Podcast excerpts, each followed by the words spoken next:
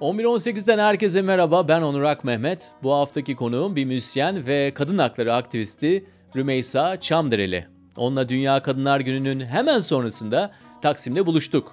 Bildiğiniz üzere her yıl 8 Mart'ta Taksim'de binlerce kadın toplanıyor ve haliyle ellerde tutulan birçok irli ufaklı dövizler ve pankartlar oluyor. Bu yıl Bunların arasında bir tanesi çok tepki topladı. Hem ana medyada hem de sosyal medyada işte Rümeysa bu dövizi hazırlayan ekipten hem de taşıyan kişi. Bu hadiseden de bahsederek yıllar önce başörtülü bir genç olarak Kabataş Lisesi'nde yaşadığı deneyimlere kadar konuşma imkanı bulduk.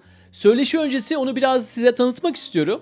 89 yılında doğdu. 2006 yılında Kabataş Lisesi'nden mezun oldu. 2013 yılında da Boğaziçi Üniversitesi Bilgisayar Mühendisliğinden yine mezun oldu. Üniversite hayatı boyunca müzikle uğraştı. Hem üniversite folklor kulübünde çalışmalarına devam etti hem de Boğaziçi Üniversitesi oyuncularıyla birlikte oyun müzikleri yaptı, sahneye çıktı. 2008-2014 yılları arasında Kardeş Türkler'in çeşitli konserlerinde sahne aldı. Son dönemde de ağırlıklı olarak kısa film ve belgesel müzikleri yapıyor. Rümeysa kendisini Müslüman feminist olarak tanımlıyor ve hayat görüşü ve inancını paylaştığı kadınlarla birlikte Üsküdar'da Havle Kadın Derneği'ni kurmuşlar. 2014 yılında da yayın hayatına başlayan Reçel blog'un kurucu editörlerinden aynı zamanda. Reçel de kadınların ve bilhassa Müslüman kadınların gündelik deneyimlerine dair nüktesi bol, analizi sağlam bir mecra. Önce 8 Mart'ların konuğum için ne ifade ettiğinden başladık, sonra da az önce bahsettiğim konulara daldık. Buyurun dinlemeye diyorum. Bir kere gidemediğim 8 Mart'lar var. Yani e, ya benim gibi kimse yoktur kesin. Kendi, kendi ön yargılarımdan ötürü ya da herkes bana bakacak, herkes benimle ilgili bir şeyler söyleyecek falan diye gidemediğim 8 Mart'lar. Sonra ben e, gece yürüyüşlerinden önce Kadıköy'de e, yürüyüşlere katılıyordum. Kadıköy'deki kadın e, set bütün birçok sivil toplum kuruluşunun olduğu kortejlere katılıyordum. Feminist kadın çevresindeydim o dönemlerde. Ve ilk gittiğimdeki şokum çünkü e, daha böyle e, işte Kürt ağırlıklı e, kadınlar ve yaşlı kadınlar hepsi örtülü yani bana kimse bakmıyor çünkü neredeyse herhalde en normal şey falan o ve hayatımın şokunu yaşamıştım. Beyaz örtülü. Evet evet beyaz örtülü ve ama şey de vardı hani daha böyle kentli kadınlar da var ve o kadar aslında onlar normal ki ne kadar ön yargılı olduğumu ilk o yürüyüşte fark etmiştim yani. Çünkü kadın dediğim şeyin hani ve feminist dediğim şeyin hani herkese diyorum yok canım herkes çok farklı falan ama kafamda hala bir tane var yani ondan. Oraya gittiğimde yok canım öyle tek bir tane falan yok yani binlercesi var ve ne kadar da farklısı var ve ne kadar da bana benzeyeni var. Bana benzemeyeni de var çünkü aynı dili konuşmuyoruz bir yandan o kadınlarla yani doğrudan dil anlamında. Ama bir araya geldiğimizde karşı karşıya baktığımızda sarıldığımızda aynı şeyi hissediyoruz. Yani o ilk gidişimin yani o cesaretsizliğimin sonrasında o cesaretsizliği aşıp o ilk gidişim benim için ilk e, kırılmadır. Yani feminizmim adına ve kadın mücadelesinin içine dahil olmam adına. Ve o günü hep hatırlarım yani kendi şokumu ve kendi önyargılarıma kız, kızışımı. Hani millete söylüyorsun sen ne yapıyorsun acaba diye. Bugünün özelliği zaten yani o terminoloji olarak da birbirine çok yakın olmayan insanların da bir araya gelmesi. Ben sana mesela 8 Mart akşamından biraz kendimden anlatayım. E, tabii e, buradan ofisten çıktım. Şuradan zaten benim arka bahçem. E, Kızılkayalar'da burgerimizi yerken e, birkaç kadının çok güzel bir atmosfer tabii. Tabii isteğim de galiba yalnızca bir e, kokulu bir burger yemek değil Rümeysa. Aynı zamanda o coşkuyu da biraz üzerime sinsin istiyorum uzaktan uzaktan. E, ondan sonra arabaya bineyim eve gideyim. Neyse dört kadının aralarında konuşma vardı. Bir tanesi şey diyordu. Girelim mi dedi. E, diğeri de ya bırak ya boş ver şimdi girersek birisi bir şey söyleyecek biz de cevap vereceğiz. Ondan sonra al başına belayı diye bir cevap verdi. Dört kişili başörtülüydü. Aralarında bir konuşma geçiyordu. Biraz önce bahsettiklerinden bunun ne kadar hani e, hayatın içinde bir şey olduğunu daha da iyi anlayabiliyoruz. Evet evet kesinlikle. Yani o e, bu bahsi geçen böyle çirkin pankartlar falan diye bahsedilen pankartlarla e, birlikte yürümenin e, süreci de insanda çok büyük dönüştürücülükleri var. O bana laf söylerler ben de birine bir şey söylerim ön yargısı ki ben kimseye laf söyleyeceğini düşünmüyorum artık bu noktadan sonra. Çünkü görünüyoruz, biliniyoruz vesaire. Hani çok şey değişti son birkaç yıldır. Bir de başka kadınlıkları öğrenmek ve evet o da isterse onu söyleyebilir. Evet ben de istersen bunu söyleyebilirim. O zaman birlikte bir şeyler söyleyebiliriz ya da birlikte söylememeyi tercih ederiz ama yan yana yürürüz. Bunun öğrenmesi de çok güzeldi. Yani benim çünkü mesela bana son dönemde yöneltilen şeylerden bir tanesi de işte o ahlaksızlarla birlikte nasıl yürüyorsun? Çünkü benim ahlaklı olmam gerekiyor işte örtümden ötürü vesaire. Onlarla nasıl yürüyorsun sorusu. Ee, benim onlara dair bir yargım yok. Ahlaklı ya da ahlaksız olduklarını bilemem. Ama pankartlarında e, kendilerine dair söylemeye çalıştıkları şeyi anlayabiliyorum. Ve Peki. o- onlarla birlikte o yüzden olabilirim yani. Ee, anlayabiliyorsun, onlarla birlikte olabiliyorsun ama bu yılın en çirkin pankartı sana ait. Kesinlikle. ben de kesinlikle gurur duyuyorum çirkinliğiyle pankartımın. Peki e, o pankartın sahada olmasından öncesine dönelim. E, ne zaman yazdın pankartı ve içinden ne geçiyorduk yazarken? Aa, bir dernek kurduk.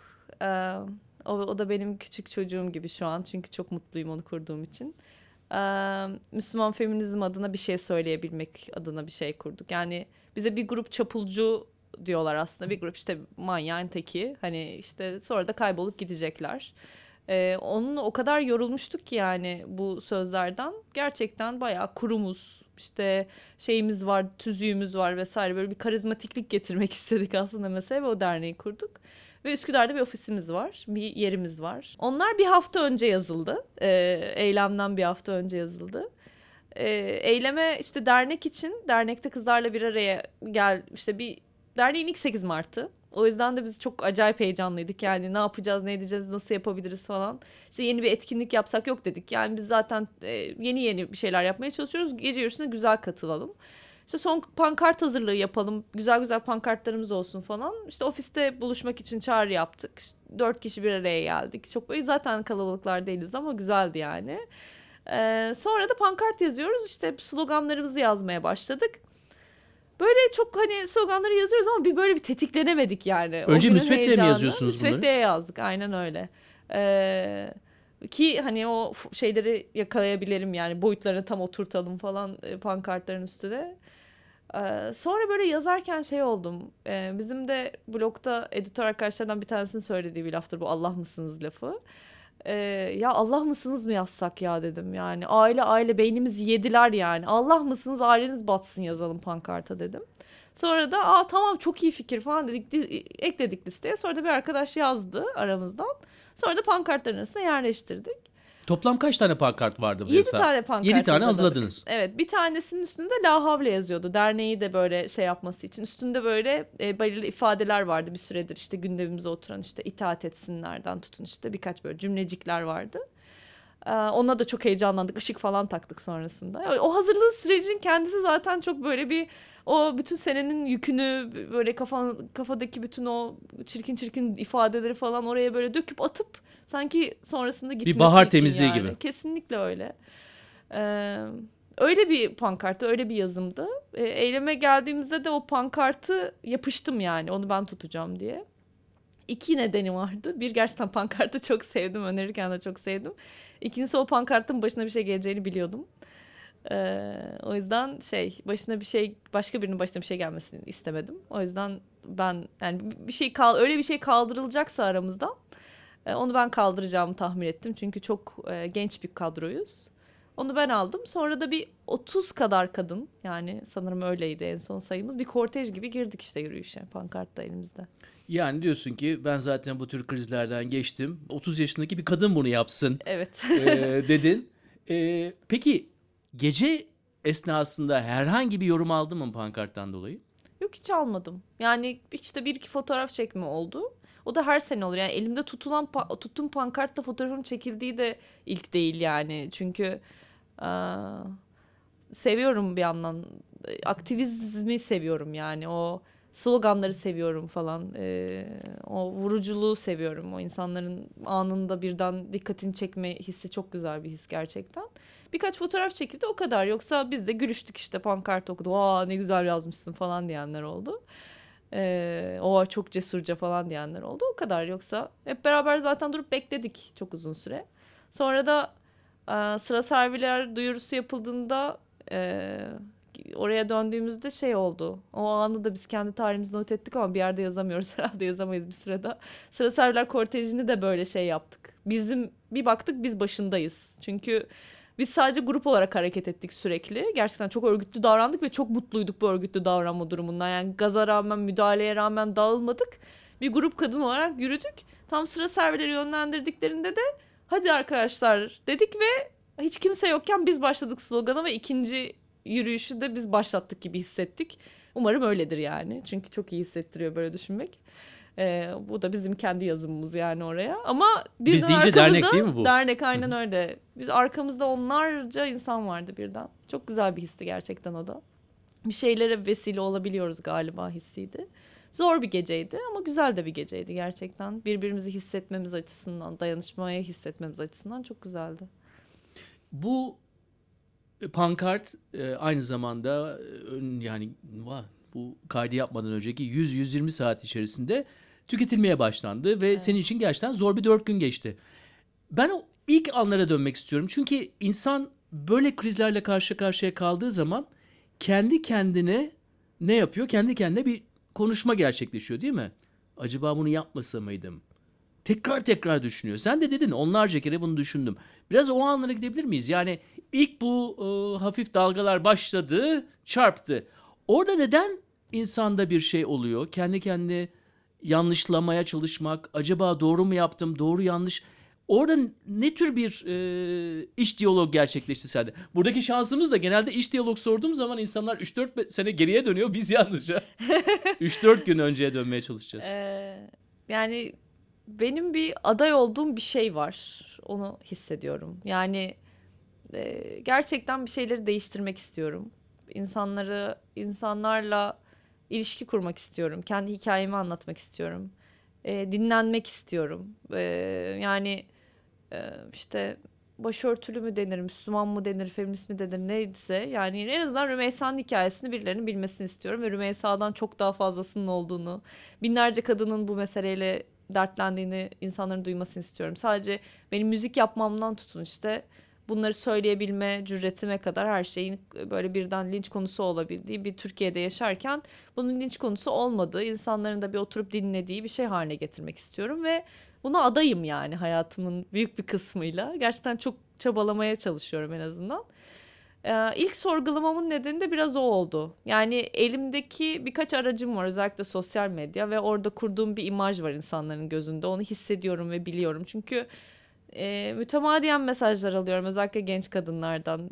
Destek mesajları ve e, destek alma mesajları. Yani abla ben şu an şöyle hissediyorum ne yapabilirim sence? İşte şöyle gitar çalmak istiyorum sen ne önerirsin? İşte annem babam bana şunu söylüyor ona ne diyeceğimi şaşırdım ne dersin falan. Böyle şeyler alıyorum ve e, bunu seviyorum. Yani bunu yapmak istiyorum. Yani böyle bir bunu tek başıma yapmak istemiyorum. Bunu bir mekanizma geliştirmek istiyorum. Daha çok insana ulaşmak istiyorum. Ama kendi yaptığım halimin de bir şey ifade ettiğini düşünüyorum ve o pankartla bunu çöpe mi attım hissim vardı büyük oranda. Yani rol modeli sarsılacak mı? Evet ve eşim de sağ olsun onun destekler nitelikte birkaç ifadede bulundu sabah. Yani hani ya iyi güzel hoş güzel yürüyorsunuz ama hani bak o kadar uğraştın ettin değer miydi dedi sabah. Sonra için tekrar konuştuk onunla Ee, yani o tepkisi de onun yaşayışı sonuçta o da ağır bir şey yaşıyor sonuçta. Ee, ama o, o ilk sorgulamam nedeni oydu. Ke- tekrar tekrar sordum kendime ya pişman mıyım falan işte gerçekten çöpe atmış olabilir miyim? Sonra da biraz yazıda da onu ifade etmeye çalıştım. Yazı Ee, dediğin tabii e, Bu yeni olan. yeni yazı. e, 12 Mart'ta çıkan. Evet 12 Mart'taki. Aa, bir süre yani bütün bu işte persona yaratma, imaj yaratma süreci ve daha öncesinde işte başörtüsü yasakları süreci.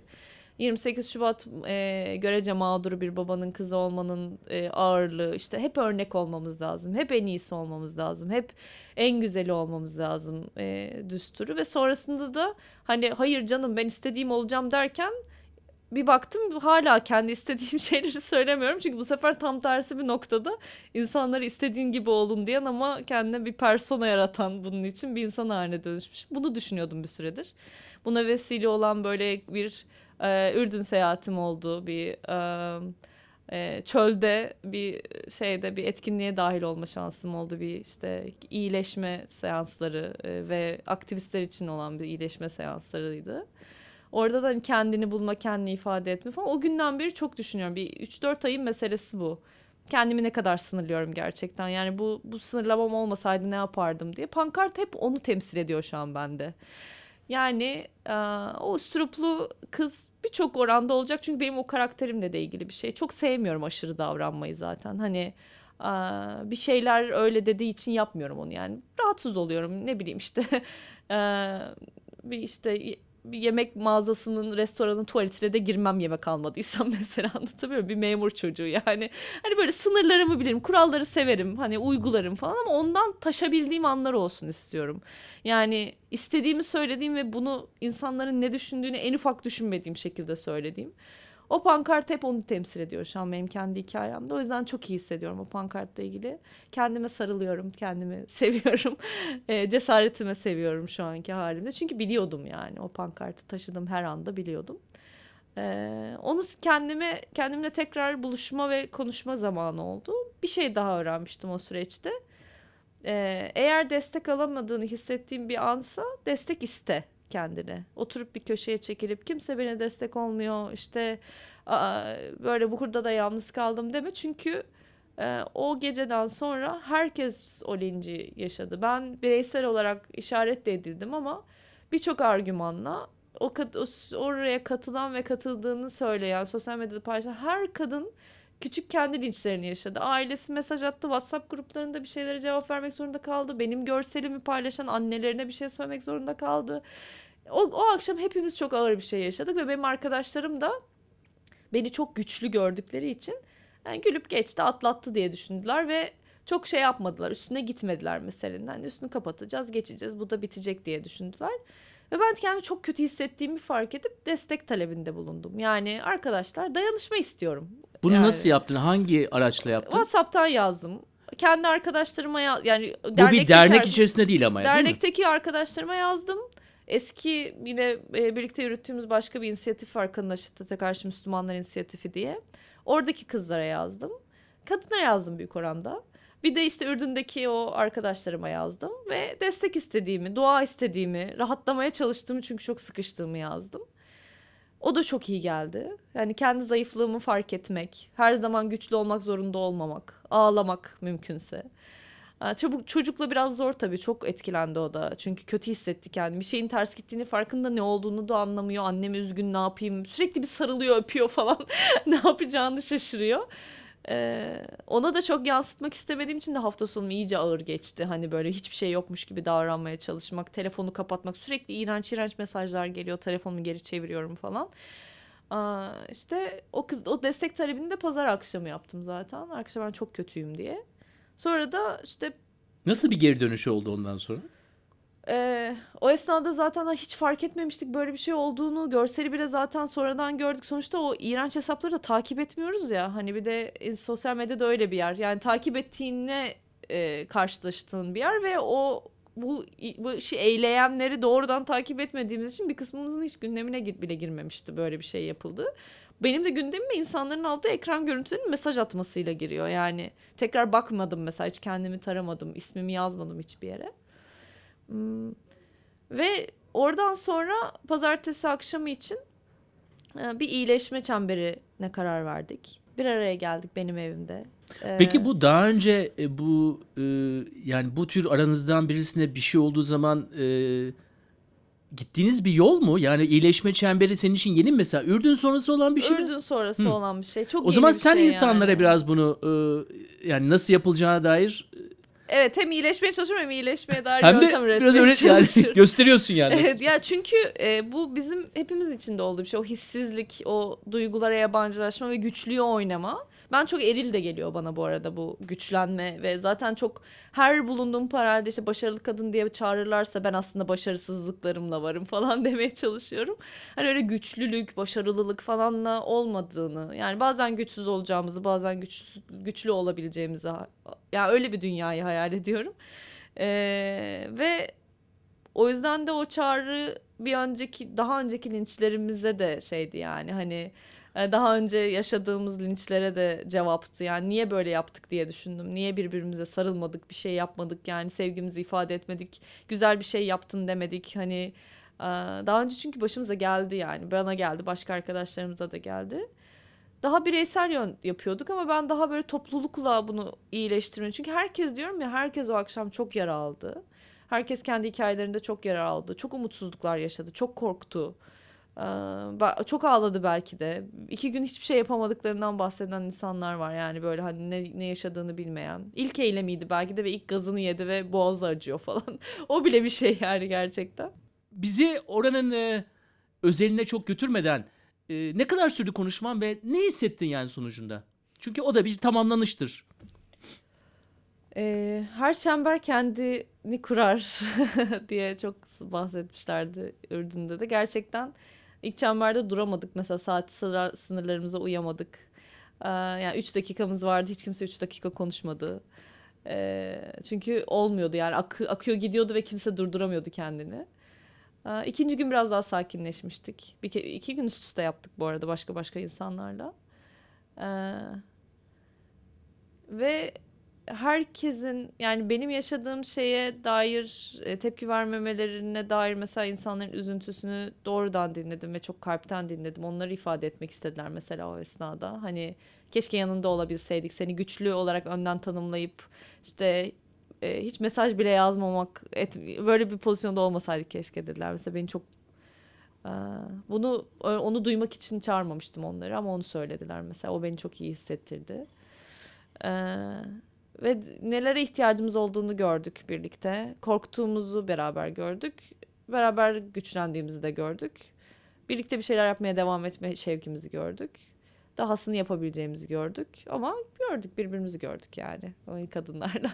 Çok güzel bence bir tabir bu bence birbirimizi gördük. Evet ya en değerlisi o çünkü e, toplantı ortamları falan yani biraz böyle aktivizme girip çıkanlar bilir yani. E, Toplantı ortamları sıklıkla çok e, demokratik kuruluyormuş gibi görünüp demokratik kurulamayan ortamlardı. İşte o esnada birinin söylediği daha diğerlerinden geçerli kabul edildiği. Biraz demokratik bir şey bu çember aslında. Herkese 3 dakika olması ve herkese 3 dakika olması. E, o sayede herkesi dinlemek topluluktaki hani işte sö- söz vermek. Zaten feminist bir jesttir o. Yani bir tartışma yaparken hiç konuşmayan biri varsa ona özellikle fikrini sormak. Yani e, senin bu konudaki bir katkın var mı diye. Ben hep öyle ortamlarda olma şansına eriştim en azından. Onun daha güzellerini yapmak istiyorum. Yani bundan daha güzel bir iyileşme olabilir mi yani böyle bir büyük bir saçmalıktan sonra. Kendi heybeme böyle bir çember koydum yani.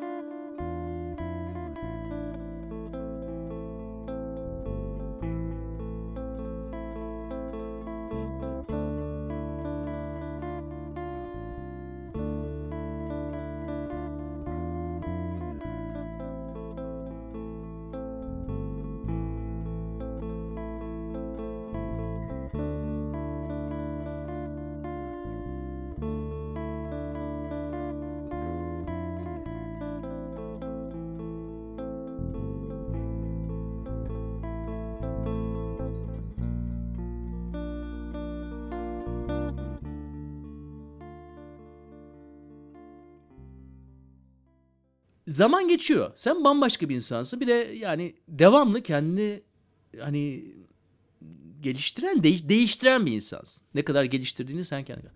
Ama yani ne yapıyorsun? Bazı şeyleri kucaklıyorsun, bazıları bırakıyorsun. Ee, ne farkı var? Mesela o zamanlardaki e, laiklerin bıraktığı diyelim. Onların bıraktığı travmalarla mesela şu andaki e, hakimiyet altında birçoğumuzun geçtiği travmalar arasında bir fark var mı veya bir ne, ikisini bir karşılaştıralım isterim ya. Hmm.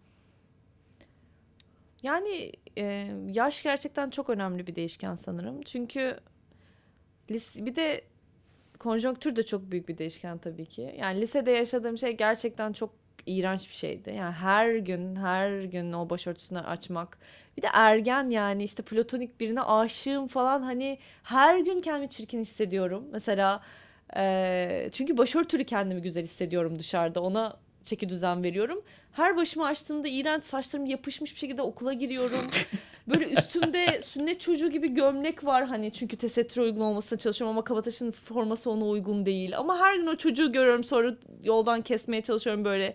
Ama bir yandan çok çirkin hissediyorum falan. Hani o ergenlik ve o yasa o başka bir tecrübeydi. Yani ve orada e, gerçekten bunu bana her gün yapan şeyden nasıl bu kadar az nefret ettiğimi bilmiyorum yani. Mesela gerçekten çok büyük bir nefrete neden olabilecek bir şeyken ben yine de dinleyelim birbirimize buna neden olan şey ne falan noktasına nasıl geldiğimi bazen gerçekten şaşırıyorum. Ve hatta e, gerçekten çok travmatik etkisi olan bir şey.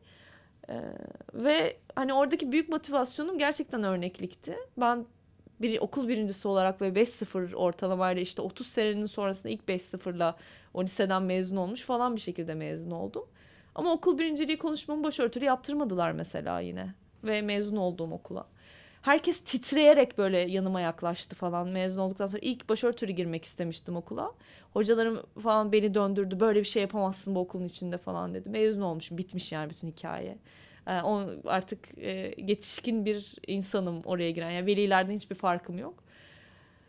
E, o şey o kadar şiddete maruz kaldıktan sonra o bambaşka bir şey. O çocukluğumu bitirdi yani orası. Çünkü başka bir insan olmam gerekti. E buna da teşneydim ama. Yani yapmak istemezsem de yapmazdım. Yapmak istemeyen çok da arkadaşım vardı ve ne bileyim mesela lisede başka liselerde okuyan arkadaşlarım vardı. Onlar birkaç cadde uzakta başlarını açıp okula gidiyorlarmış. Bu sayede mesela hiç kimse bilmiyormuş onların başörtülü olduğunu. Ben onu duyduğumda ya o gerçekten olabilirmiş aslında öyle bir şey yapmak falan ama niye yani hani biz bunun için yapmıyoruz ki. Hani ben böyle bilinmek istiyorum dediğimi hatırlıyorum. Yani o refleks hep öyleydi. Biraz babamın kızı olmamdan babam beni hep öyle yetiştirdi. Hep öyle şeyler yükledi. Doğru muydu yanlış mıydı bunu bilmiyorum. Kendi çocuğuma yükler miyim yüklemez miyim bilmiyorum. Ama ben öyle büyüdüm. Öyle bir çocuk olarak büyüdüm. Ee, üniversitede de yine çok benzer reflekslerden aldım tepkileri. İlk işte o e, üniversitede ilk sahneye çıkışımda Hürriyet'e haber olmak.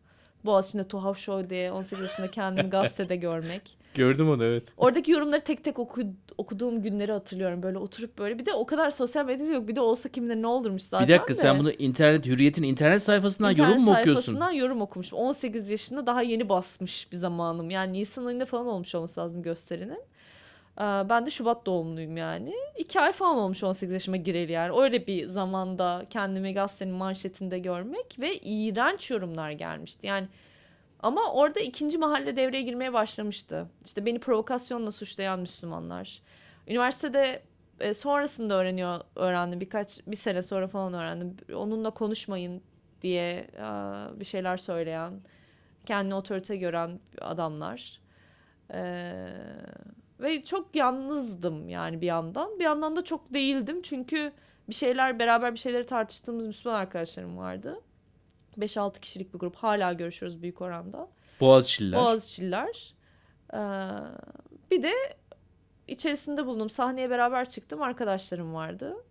Yani o gün mesela hatırlıyorum evden çıktım. Bakkalın önünden geçtim. Gazeteyi gördüm.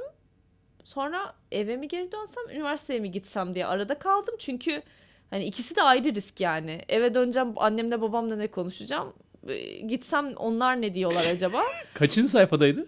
Manşet. Oo. Tabii yani bayağı diyorum ya gaz, şeyden bakkaldan geçerken yandan gördüm kendimi yani şeyde fotoğrafımı gördüm ve öyle öğrendim. Yani bir mesaj gelmişti anlamlandırıyor. O yürüyüşümü hatırlıyorum telefondan bir mesaj gelmiş Rümeysa gazetedesin gibi bir şey gelmiş. O yüzden bakkaldan geçerken niye yani insan manşete bakar ki zaten gazetedesin diye ama hani hangi gazete acaba satın alsam falan diye bakıyorum. Tam o esnada baktım ve kendimi gördüm orada yani fotoğrafımı. Ve gazeteyi almadan koşarak üniversiteye gittiğimi hatırlıyorum. Satın alamadım ya o esnada. Yani o, o süreyi o gazetedeki haberi okuyarak geçiremedim yani. Bir buçuk saatlik falan bir yol Boğaziçi'ne gitmek Şimdi Üsküdar'dan. çok acayip değil mi? Yani şimdi film olsa e, o sahne anahtar sahnelerden biri olur. Niye koşarak okula gittin? Yani bir an önce başka birilerini görmem gerekiyordu bu konuyla ilgili başka şeyler söyleyebilecek. Bütün gün gazete haberiyle dalga geçtiğimizi hatırlıyorum. E, kulüpten arkadaşlarla Boğaziçi Üniversitesi Folklor Kulübü'nde işte o gösterinin birlikte yaptığımız arkadaşlar. Çünkü o bir de şeydi çünkü tek başıma deneyemedim o dilin içinde. E, işte Kürtler, eşcinseller bilmem neler falan işte o gösteri öyle bir gösteri. Yani tuhaflığın nedeni esas da o değişik renklerin tek Bir kare içerisinde olması. toplanmış olmasıydı. Aynen, aynen, Ve aynen. siz bununla dalga geçerek de iyi hissettiniz Evet değil mi? kesinlikle. Bütün gün gazeteyi okuduk. İşte başka takvimde falan da çıkmış. Onları da aldık. Biji Boğaziçi falan diye yapmışlardı onlar. Daha faşist oldukları için. Peki soruya geri dönelim. Biraz daha takvimi ilerlettiğimiz zaman ne farklılaşıyor? Yani çiğlik aynı çiğlik mi? Farklı mı? Ee, acıtması ne kadar? Tabii burada yaş faktörü de var. aynen öyle. Aynen Ne öyle. dersin? Ya sonra bir süre çok hissizleştim zaten yani. Oluyor yapıyorum bir şey işte millet linç yapıyor falan. Hani artık böyle normalleşmeye başlamıştı bir yerden sonra. Artık gitar elinde tabii. Evet gitar elimde fotoğrafımı gören bir şey yazıyor. Böyle işte ayda bir saçma sapan bir yorum düşüyor. Biri etkinliğimi paylaşıyor onun altında bir şeyler oluyor Peki falan. bu buradaki linçin ana nedeni e, başörtüsüyle gitarın Gitar beraber olması değil mi? Evet aynen öyle. Tek nedeni oydu zaten çok uzun süre. Yani benim aktivizme girmem, bir şeyler söylemeye başlamam. Çünkü hani Reçeli 2014'te kurduk. Hani benim iki- 2006 girişliyim ben üniversiteye. O, o 8 sürelik, senelik süre içerisinde benim doğrudan yazılarla, e, söyle, sözle bir görünürlüğüm yok. Hep gitar üzerinden bir görünürlüğüm var. Bir ara sonra normalleşmeye başladı yani. Ben bir şey yapıyorum birileri pis bir şey yazıyor falan filan. Hatta o marjinalliği çok sahiplendim yani. Hani böyle ben e, eşimle ilk tanıştığımızda falan ben çok marjinalim falan diye anlatıyorum. Çok komik geliyor şimdi bu geri dönmek için. Çocuk yani çünkü. Hani ben marjinal bir insanım ve bunu kabul ediyorum falan gibi şeyler söylüyordum. Hani eşimle bizim o yakınlaşmamız, romantik yakınlaşmamızın vesilesi de odur. Ya sen marjinal değilsin, istediğin şeyi yapıyorsun. Buna marjinal diyorlarsa diyor olabilirler de senin devam pek güzel bir şey değil bence. Kendi yaptıklarına yabancılaşmıyor musun? Sevdiğin şeyi yapmanın nesi marjinal falan demişti. Ee, sonrasında o normalleşmenin sonrasında tekrar ikinci turu benim aktivizmimle başlamış oldu. Yani feminizme dair konuşmam, e, Müslüman kimliğimi sahiplenmem. Çünkü çok açıkçası hiçbir Müslüman arkadaşım yoktu neredeyse. Sadece kendine gerçekten Müslüman olmayan yani bayağı inanmadığını söyleyen insanlarla birlikte zaman geçiyordum ve kendimi çok daha güvende hissediyordum bu yüzden. Ee, benim bana saygı duyulan ve benimle benim inandığım şeye dair hakaret edilmeyen, küfredilmeyen bir ortamda çok mutlu yaşadım çok uzun süre hayatımı yani. Ee, ama sonra bir sorumluluk hissi daha bastı. Bir tane daha sorumluluk. Kendi cemaatime, kendi mahalleme, kendi şeyime bir şeyler söyleme sorumluluğu. Sonra tekrar Kürkçü dükkanına geri dönmüş oldum. Oradan sonra tabii ki daha çok acıttı canımı her şey. Bir de dediğiniz gibi işte e, süreç değişti, e, siyaset değişti, güçler değişti, iktidar değişti. E, bizim gibi görünenler başka bir şey oldu. E, işte yetmez ama evet dedik pişman olduk falan. Hani zaman içerisinde çok fazla şey değişti. E, şu an benim gibi görünen insanların eğleyicisi olduğu bir yerde gaz yemem e, daha çok canımı acıtıyor tabii ki. E, benim inandığım şey inandığını iddia eden ve buradan kendini temellendirerek insanlara hakaretler yağdıran, işte hayatlarını kısıtlayan bir şeye daha çok canımı acıtıyor doğru. Yani öbür tarafta düşman dışarıdaydı. Ee, burada düşman içeride değil, içeride hissetmiyorum ama e, en azından aynı şeye inandığını söyleyen bir şey. Yani o yüzden daha fazla can acıttı. Kesinlikle öyle yani.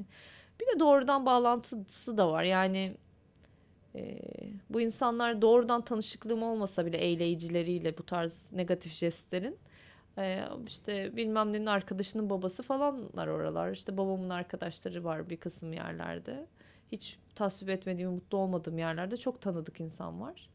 E, tanıdık yüz var yani hiç tanımadığım insanlar da değil. O insanların da hikayelerini biliyorum ve daha çok canım acıyor o yüzden. Hani bu noktaya gelmiş olmaları çok üzücü olarak gibi hissediyorum yani. Hani böyle bir düşmanlaştırma değil de hani ben onu biliyordum niye böyle yaptı. Mutsuzluğu daha başka bir şey yani. Canavar değil yani o insanlar da. Bayağı insanlar ve yapıyorlar bunu ve o daha üzücü bir şey yani. Öbürleri canavardı büyük oranda. Devlet diye bir şey vardı falan hiç bilmiyordum kim olduğunu. Tanımıyordum yani insan olarak. Şu an insan olarak da tanıdığım bir şey çok canımı yakmaya çalışıyor gibi hissediyorum. Evet tabii yani gücün tabii insanı zehirleme oranı herkes için farklı gelişiyor. Bu pankart olayının da aynı zamanda e, birçok soru doğuruyor. Mesela benim kafamda e, şimdi sana gelen eleştiri demeyeyim artık yani o hakaretleri o, biraz baktım. acaba dedim şimdi onların kafasındaki kutuların dışında bir şey söylüyor. Tamam mı? Başkasının e, sınırları dışına taşan bir şey olduğu için hem ana medyada hem sosyal medyada başladı linç. Ya mesela ben o kelimelerden sen çünkü diyorsun ki yani benim anladığım şekliyle yani aile anlayışınız bassın, aileniz bassın demiyorsun yani. Orada bir anlayış.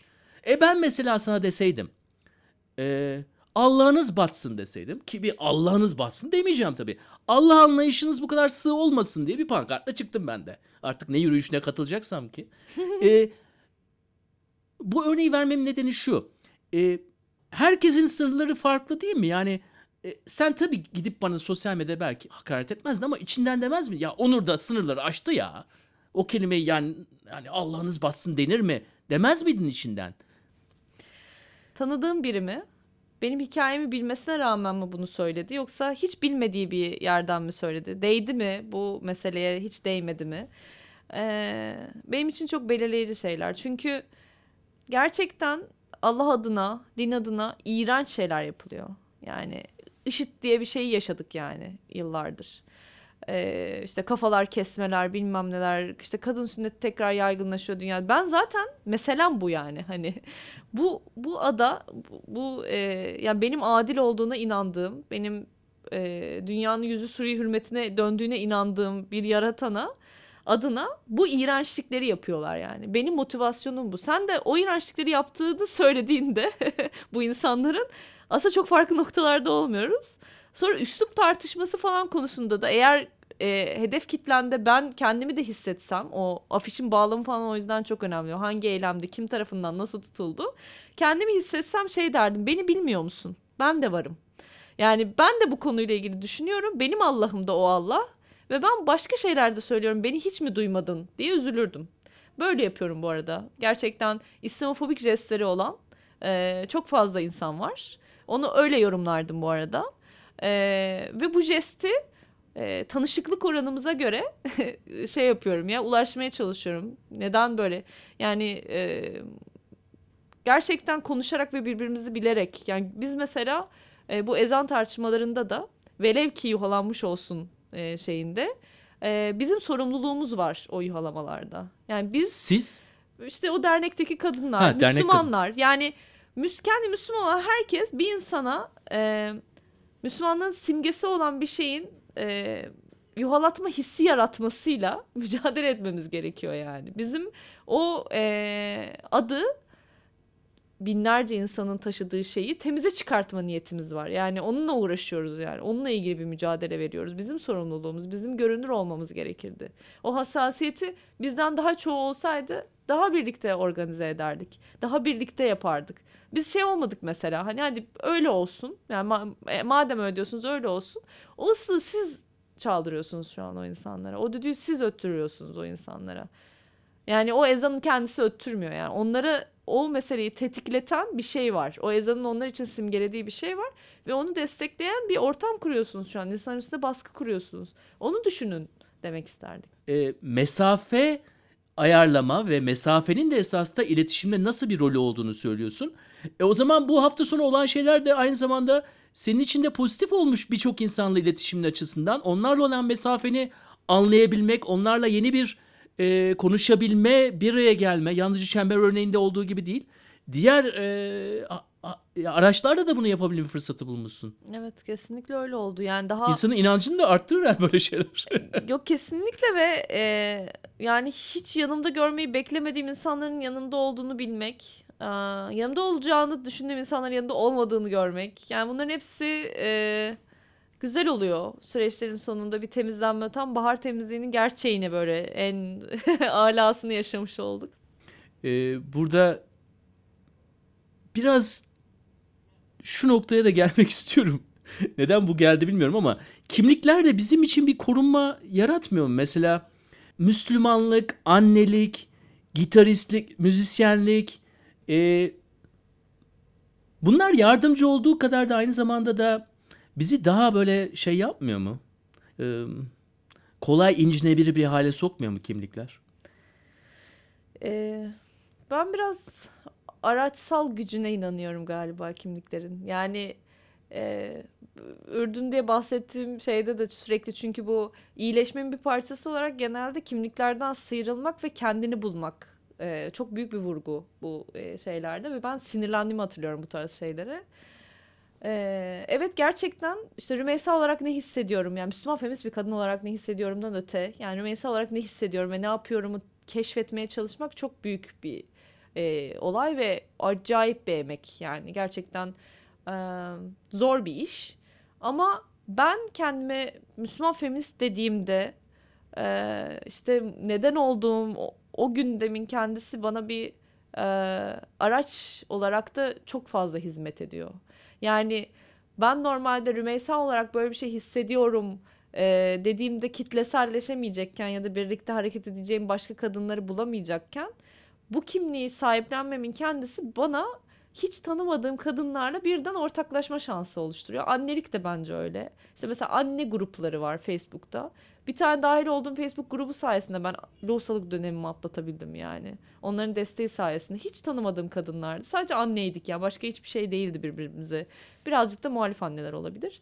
Ee, ve or orası sayesinde ben hayata tutundum yani. Hani Aa, iyi anne olmasam da yaşayabilirim galiba hissini oradan edindim mesela. Ee, o yaralayıcılığın dışında bir mücadele ve e, bir araya gelme yolu da olduğunu düşünüyorum kimliğin. E, sonsuza kadar ona yapışmamak gerektiği konusunda hem fikrim işte queer falan da okuyorum anlıyorum söyleme yani o kimliksizliği anlıyorum yani neyin derdinde olduğunu anlıyorum insanların ama yaşadığımız şeyin adını koymanın da bize yaşatacağı bir araya gelme potansiyelini böyle bir silip atmayalım hissin var yani. Yani e, zamansız o çıplaklığı amaçlamak, e, tamamen kimliklerden sıyrılmaya çalışmak aynı zamanda e, insanlarla gerekli olduğu zaman da insanlarla birleşmek için bir fırsatı da çöpe atmak anlamına geliyor diyorsun. Aynen öyle oluyor. Yani o e, performansta da sıklıkla onu görüyorum. Bu kimliksizlik tartışmalarını e, öne süren performansın kendisinde çok onu görüyorum. Çok gerçekliğe yabancılaşma görüyorum. Bizim çünkü e, yani de, Ürdün'de yaşadığımız şeyde mesela bir alıştırma yaptık. E, ön yüzüne kendi kimlik bilgilerimizi girdik. Nüfus kimlik bilgilerimiz işte doğum yeri, doğum tarihi vesaire falan işte e, hangi işle uğraşıyor vesaire öyle bir şey yaptık. Arkaya da kendi kimliklerimizi yazmamız söylendi. Yani kendimizi nasıl tanımladığımızı yazmamız söylendi. Ben oraya mesela Müslüman feminist falan yazdım yine. Çünkü kendimi öyle... Sonra ama başka insanlar böyle işte suyum akıyorum, işte kuşum açıyorum falan gibi şeyler yazmışlardı ve beni ne kadar tetiklediğini hatırlıyorum o an. Yani sen onun o şekilde ifade etme ihtiyacını anlayabiliyorum. Onunla ilişkilenebiliyorum. Yani onun üstünden atmak istediği yükleri anlıyorum. Özellikle işte Orta Doğu coğrafyasında yaşayan insanlar da hepsi ve işte o ülkenin vatandaşı olmanın, o işte Filistinli olmanın mesela onun üstündeki yükünü e, atmak istediğini anlıyorum. Ama e, biz aktivizm yapıyorduk, bir şeyleri değiştirecektik. Hani insanlarla nasıl iş kuracağız? Hangi gerçeklikle ilişki kuruyoruz? Hangi gerçekliğe değiyoruz? Kimlerle el ele tutuşmak istiyoruz, kimlerle sarılmak istiyoruz hani bunu nasıl anlatacağız falan derdine düştüğümü hatırlıyorum. Benim gibi bir tane daha Filistinli bir arkadaş vardı. Ön yüzüyle arka yüzü aynıydı kağıdın. O da şey demişti yani ben bu gerçekliğe doğdum. Ben de kendimi bu gerçeklikle tanımlıyorum ama o gerçeklik beni tanımlamıyor. Ben tekrar o gerçeklikle kendimi tekrar tanımladım ve bunun mücadelesini veriyorum demişti. O benim için çok dehşet bir andı. Yani ben de aynı şeyi hissediyorum. Yani bu gerçeklik beni tanımlamıyor. Ben bu gerçekliği tekrar tanımlanıyor, tanımlıyorum ve sahipleniyorum. Ve bu sahiplenmenin bir nedeni var. Çünkü daha fazla insanla birlikte daha güzel bir şey yapmak istiyorum. Ben bunu çok güçlü bir şey olduğunu düşünüyorum. Öyle hissediyorum yani. Çok teşekkür ederim. Ben teşekkür ederim.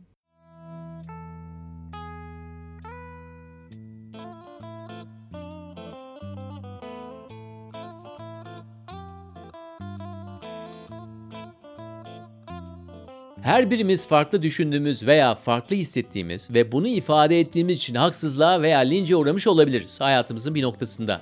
Şimdi bu tür travmaları nasıl atlattığımız aslında hayatımızın önemli bir parçasını oluşturuyor. Rümeysa ile olan sohbetimde bende kalan şu. Hem geçen Kadınlar Günü'nde hem de yıllar önce öğrenciyken yaşadıklarında kendisini nasıl iyileştireceğini çok iyi bilmiş ve bunu bana tüm açıklığıyla anlattı burada. Etrafındakilerle bir çember etrafında bir arada olmak iletişim kurmak ve aynı zamanda yaşananlara nükteli bir biçimde yaklaşıp gülmek ve de dışarıdan insanlardan öğrendiklerimizle ve biriktirdiklerimizle kendi ilacımızı hazırlamak. Eh, yaşama güdüsünün en güzel hali bu olsa gerek. Rümeysa'ya da bu güzel sohbet için teşekkürler diyorum.